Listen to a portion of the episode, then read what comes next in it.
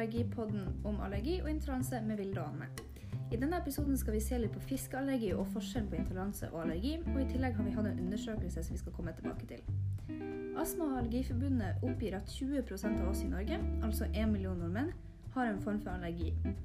Noen er allergisk mot nøtter, noen mot fisk, og mange tåler ikke melk eller gluten. Men hva kommer det egentlig av at vi ikke tåler mat så godt? Har vi blitt skrøpelige, eller er det miljøet som har blitt mer giftig og farligere rundt oss? Eller er det helt andre årsaker? Dette skal vi finne ut av i løpet av denne episoden.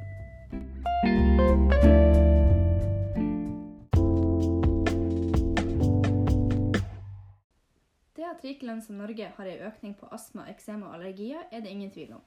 Når det gjelder matallergier og intoleranser, så er det noe som ikke henger helt på greip. Fordi for ca. 20 år siden hadde ca. bare én person i en skoleklasse en form for allergi.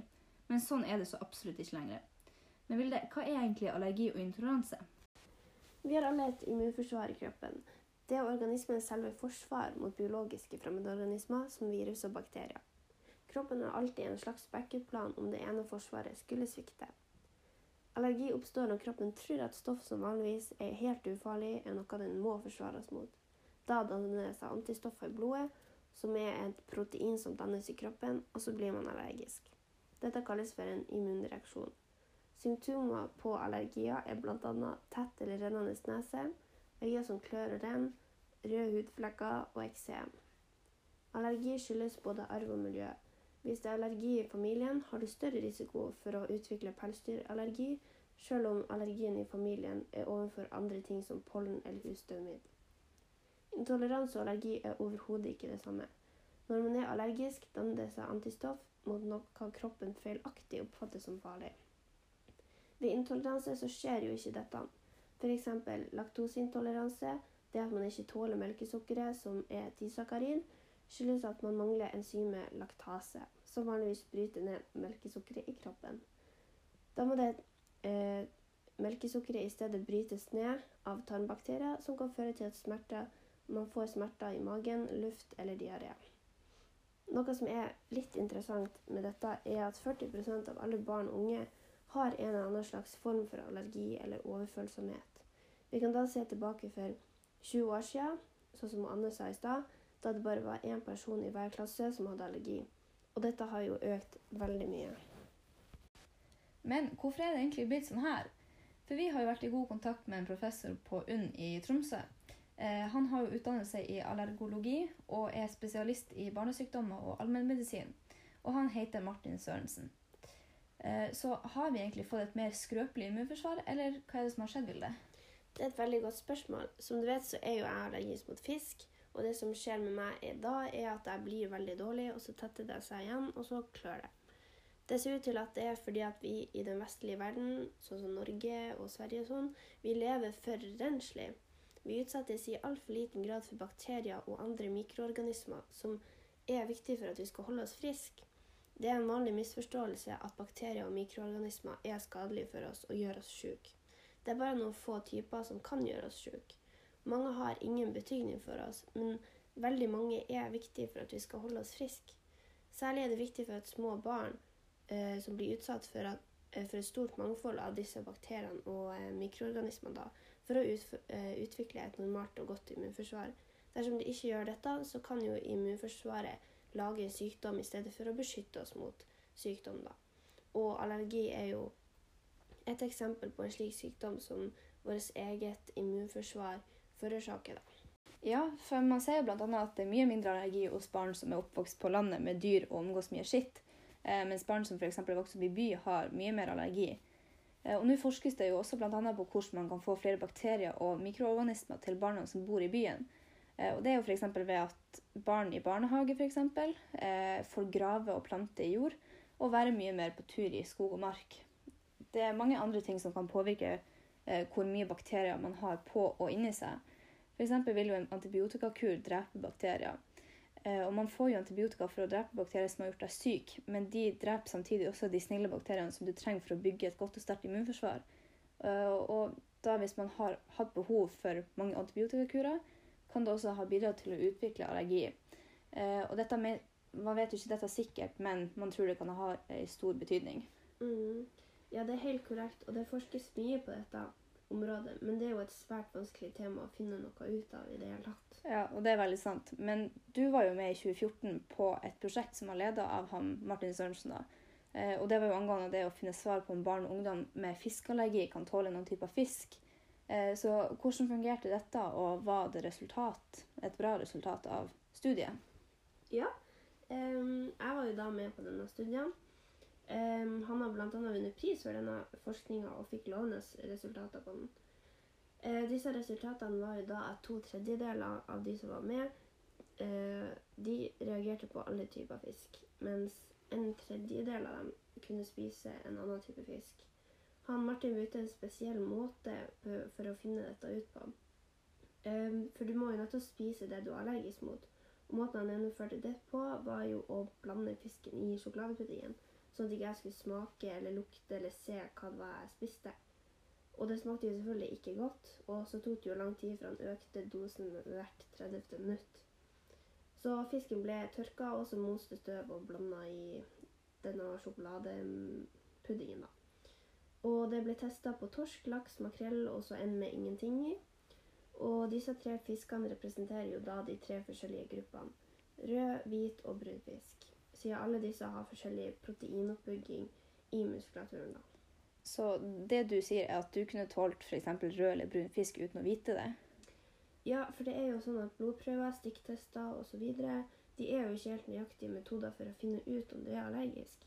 Når man tar en blodprøve, så blir du bare testa mot torsk, og man vet jo derfor ikke om man kan f.eks. tåle makrell eller, eller eh, laks eller noe sånt. da. Så ja, det stemmer. Men etter denne studien, kom det da ei medisinering eller noen form for vaksinering mot fiskeallergi? Fordi det er jo en av de viktigste ressursene for et sunt og næringsrikt kosthold. Eh, nei, det har dessverre ikke kommet en behandling eller en vaksine som gjør at jeg kan spise fisk. Men det forskes veldig mye på det, men det er ingen som har lyktes ennå. da. Det skulle jo egentlig være en stor europeisk studie for å forske frem en vaksine rett etter studier, men det fikk de jo rett og slett ikke pengestøtte fra EU, og derfor ble den utsatt da. Men du Anne, du har jo også en bror som er allergisk mot fisk, så hva er det som egentlig skjer i kroppen? Eh, altså det er jo nesten alltid et protein som vi blir allergisk for. Eh, så når du spiser fisk, så utvikler immunforsvaret såkalte IGE-antistoffer mot et protein. Eh, og IGE er et stoff som kroppen produserer for å huske et allergen. Og et allergen det er jo da et stoff som ikke gir sykdom, men det fremprovoserer en immunreaksjon. Eh, Og i fisk så er det protein i fisken sin muskulatur som du sa, som heter parvalbumin. Og det er det man blir allergisk mot. Hos en person som er allergisk for fisk, f.eks. du, har immunforsvaret til den personen laga IGE-antistoffer mot parvalbumin. Dersom denne personen spiser fisk, vil disse IGE-antistoffene binde seg fast til parvalbuminet, og immunforsvaret vil gå til angrep og forsøke å ødelegge dette proteinet. Denne, eh, eller det vil personen merke som en allergisk reaksjon. Eh, og dette forklarer mye dine symptomer når du spiser fisk. Eh, men dessverre så er jo dette en allergi som de fleste tar med seg inn i voksenlivet også. Ja, så jeg vil jo mest sannsynligvis ikke kunne spise fisk når jeg blir voksen. Men noe som er litt interessant, er jo at jeg kan ta på fisk, men ikke få noe allergisk reaksjon nødvendigvis. Og det samme skjer jo deg og når du tar på en katt eller hund og noe sånt, da. Ikke sant? Eh, ja, og det er fordi at det ytre forsvaret består jo av hud og diverse som hindrer proteinet inn i kroppen. Eh, og hår og hud fra pelsdyret hindres vei videre til kroppen eh, ved hjelp av huden. Så det er ikke pelsen i seg sjøl som forårsaker reaksjoner hos allergikere som meg, som er allergisk mot f.eks. katt. Eh, det man er allergisk mot, det er dyret sitt protein. Eh, og proteiner det er jo små partikler som blander seg eh, med støv i lufta og gir allergiske reaksjoner når de pustes inn eller kommer i kontakt med huden. Det finner man f.eks. i en hund sitt urin, spytt, eh, hudceller og talgkjertler. Men siden dette også fester seg i pelshåra, vil man kunne reagere på pelsen også, fordi at hunden den sleiker seg jo på, huden, nei, på pelsen. Så da, hvis du er i kontakt med det, så vil det kunne utløse en reaksjon. Å ja, så det forklarer jo hvorfor jeg har reaksjon på pelsdyr også. Men kan dette kureres? Altså Man kan jo ta f.eks. Eh, medikamenter som allergitabletter eller lignende, som gjør at man er typ immun mot å få en reaksjon. da. Eh, og det å være immun betyr at man unngår å bli syk etter gjentatte smitte med en bestemt mikroorganisme eller protein. Eh, men med allergitabletter så er jo dette bare for en viss periode. Eh, men i senere tider så har vi også fått enkelte allergivaksiner. Eh, og allergivaksine består av små mengder av det stoffet som skaper allergien. da. Eh, og man mottar da små injeksjoner med allergivaksine i jevne mellomrom. Og mengden med allergenet økes gradvis til en har nådd en dose som er tilstrekkelig for å redusere symptomene på allergien din. Eh, over tid så øker denne behandlinga immunitet og toleranse overfor dette allergenet, sånn at en eventuell eksponering for dette ikke utløser en allergisk reaksjon. Målet er altså å øke immuniteten, dvs. Si kroppens motstandsevne mot disse allergenene, og på denne måten redusere eller fjerne allergiplagene. Men vi har jo hatt en undersøkelse, eh, og da har vi spurt 40 folk om de har en form for allergi eller intoleranse. Så kan ikke du ta og fortelle om dette resultatet, Vilde? Jo, det kan jeg. Vi hadde jo til sammen da 40 personer med i undersøkelsen.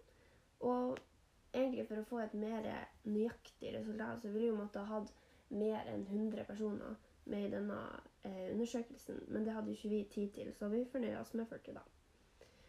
Eh, vi har ramsa opp alle som er allergiske og ikke. Og i vår undersøkelse så svarte 40 at de ikke hadde noe allergi, mens da 57,5% var allergisk. Og da 2,5% som var da eh, ukjent allergisk reaksjon. Dette viser oss at i denne gruppa vi brukte, så var det de eldste som ikke hadde noe allergi. Uh, og de var på rundt 30-60 år. Mens de yngre hadde da én eller flere allergier. Topp fem allergier i gruppa var nummer én pollen, nummer to sitrusfrukter og pelsdyr, nummer tre laktose, nummer fire nøtter og nummer fem parfyme, parfymerte produkter. Og dette støtter jo opp teorien om at unger som er eller har vokst opp med natur og er blitt utsatt for mikroorganismer jevnlig, får mindre allergier.